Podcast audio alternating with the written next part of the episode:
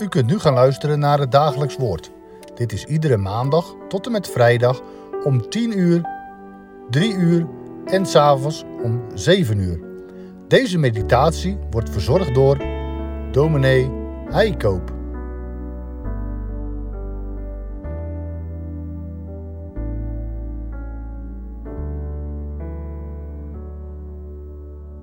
We lezen verder in het boek Handelingen, nu het begin van hoofdstuk 16.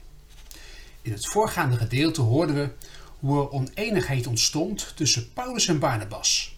En ze besluiten hun zendingswerk afzonderlijk voor te zetten. Barnabas gaat met Marcus naar Cyprus en Paulus gaat met Silas naar Klein-Azië. We lezen verder bij hoofdstuk 16 vanaf vers 1. En hij, Paulus, kwam in Derbe en in Lystra aan. En zie, er was daar een zekere discipel voor wie de naam Timotheus was, de zoon van een gelovige Joodse vrouw, maar van een Griekse vader, voor wie een goed getuigenis gegeven werd door de broeders in Lystra en Iconium. Paulus wilde dat hij met hem mee zou gaan, en hij nam hem bij zich en besneed hem omwille van de Joden die in die plaatsen woonden, want zij wisten allen dat zijn vader een Griek was. En toen zij de steden langs reisden, brachten zij hun de bepalingen over waarvan de apostelen en de ouderlingen in Jeruzalem besloten hadden dat men die in acht moest nemen. De gemeente dan werden bevestigd in het geloof en namen dagelijks in aantal toe. En nadat zij door Frigië en het land van Galatië gereisd waren, werden zij door de Heilige Geest verhinderd het woord in Azië te spreken. En bij Mysië gekomen, probeerden zij naar Bithynië te reizen, maar de Geest liet het hun niet toe. En nadat zij Mysië voorbij gereisd waren, kwamen zij in Troas. Paulus kreeg s'nachts een visioen te zien. Er stond een Macedonische man die hem dringend vroeg: Kom over naar Macedonië en help ons. Toen hij nu dit visioen gezien had, probeerden wij meteen naar Macedonië te reizen, omdat we eruit opmaakten dat de Heer ons geroepen had aan hen het evangelie te verkondigen. Broeders en zusters, het is een bekend gedeelte wat we net lazen. Vooral de roepstem van de Macedonische man, die Paulus in een droom voor zich ziet, is bekend. Door deze droom en deze tekst maakt de geest aan Paulus bekend welke kant hij op moet gaan. Ook vandaag wordt deze Bijbeltekst nog vaak gebruikt wanneer een predikant beroepen wordt. En al heel wat voorgangers hebben in deze tekst een aanwijzing gezien om inderdaad over te komen naar die roepende gemeente. Maar in dit dagelijkse woord wil ik met u stilstaan bij wat net daarvoor gebeurt. Voordat Paulus deze duidelijke aanwijzing krijgt om over te steken naar Macedonië en daar het evangelie te gaan verkondigen, gaat hij twee keer op een doodlopende weg. Twee keer achter elkaar wijst de Heilige Geest een voorgenomen route af. Waarom gaat dat zo? Waar maakt de Geest niet meteen duidelijk dat Paulus en de anderen naar Macedonië moeten gaan? Laten we daar naar op zoek gaan. Paulus en zijn metgezellen, Silas, Timotheus, reizen naar Azië. Ook Lucas heeft nu bij het gezelschap gevoegd. Want vanaf deze verse horen we hem steeds schrijven: Wij gingen hier of daar naartoe. Dus ook de schrijver van het boek Handelingen, Lucas, reist vanaf nu met het gezelschap mee. Paulus en de zijnen dachten dat het de bedoeling was om naar Azië te reizen de westkust van Klein-Azië. Het gebied waarop Paulus in zijn eerste zendingsreis ook al geweest was en waar hij verschillende gemeenten gesticht heeft. Maar dan horen we in vers 6: De Heilige Geest verhinderde hen om het woord in Azië te spreken. Dat is blijkbaar toch niet de weg die God met Paulus voor heeft. En daarom gooit hij het over een andere boeg. Als het niet de bedoeling is om naar Azië te gaan, dan ga ik wel naar Bithynië. Dat is de streek in het noorden van het huidige Turkije, tegen de Zwarte Zee aan, het gebied rond Istanbul. Daar was Paulus nog niet geweest. Misschien moet hij daar dan het evangelie gaan verkondigen. Maar dan horen we in vers 7. Zij probeerden naar Bithynië te reizen, maar de geest liet het hen niet toe. Hoe maakte de geest hen dat duidelijk?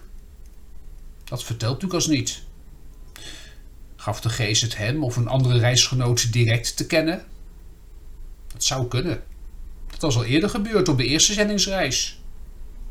Of werd het reizen daar naartoe onmogelijk gemaakt? Doordat er geen schip gevonden werd dat die kant op ging, of door slecht weer, of wat dan ook. Dat het niet lukte om daar naartoe te reizen, en dat Paulus dat als een aanwijzing van de geest ervaren heeft. Hoe dan ook, de Heilige Geest kapt die wegen af en wijst dan een andere weg. Dan krijgt Paulus die droom van de Macedonische man: Kom over en help ons. Frappant.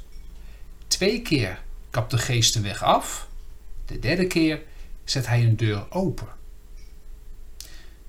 Misschien herken je dat wel uit uw of jouw eigen leven. Is dat bij jou ook zo gegaan? Heb je zelf ook een omweg moeten maken voordat je op de plek kwam die God voor jou bestemd heeft? Soms hoor je van mensen die, als het ware, een briefje uit de hemel krijgen, waarop God duidelijk maakt: dit en dat moet je gaan doen. Maar zo gaat het lang niet altijd. Bij Paulus ging het in ieder geval niet zo. Terwijl Paulus toch volkomen in dienst stond van God. Hij zocht hoe hij God kon dienen, hoe hij het evangelie van Jezus Christus kon verspreiden. Maar de plannen die hij daarvoor maakte, waren niet de plannen die God voor hem in gedachten had. Tot twee keer toe loopt een weg waarover hij gaat dood en verandert, verandert hij van richting. Waarom gaat dat zo? Misschien heb je het zelf wel meegemaakt dat de weg voor jou ook anders ging dan je zelf dacht. Je begon aan die studie, maar die was voor jou toch niet geschikt. Je begint aan een nieuwe baan, maar dat bleek je later toch niet goed te passen. Die weg stopte. God maakte ergens anders weer een nieuwe weg voor jou. Waarom leidt God zo? Waarom geeft hij niet meteen dat briefje uit de hemel, waarop heel de weg staat die hij voor jou in gedachten heeft? Dat was voor Paulus toen toch veel handiger geweest. En het zou voor u, jou en mij toch ook handiger zijn. De leiding van de Heilige Geest is niet altijd direct duidelijk. De Heer Jezus zegt over de Geest: De Geest is als de wind. Je hoort hem wel, maar je weet niet waar hij vandaan komt en waar hij heen gaat. En zo is het met de leiding van de Heilige Geest ook. Hij geeft lang niet altijd een brief vooraf. Hij wijst je gaandeweg de weg. En daarmee dwingt hij je om ook zelf aan de slag te gaan. Om zelf soms een sprong in de diepe te maken. Om te leren, soms door vallen en opstaan heen, je leven te leven. Bij zijn leiding van ons leven schakelt God ons helemaal in. We krijgen niet van tevoren een blauwdruk. We moeten zelf op zoek gaan naar zijn weg met ons.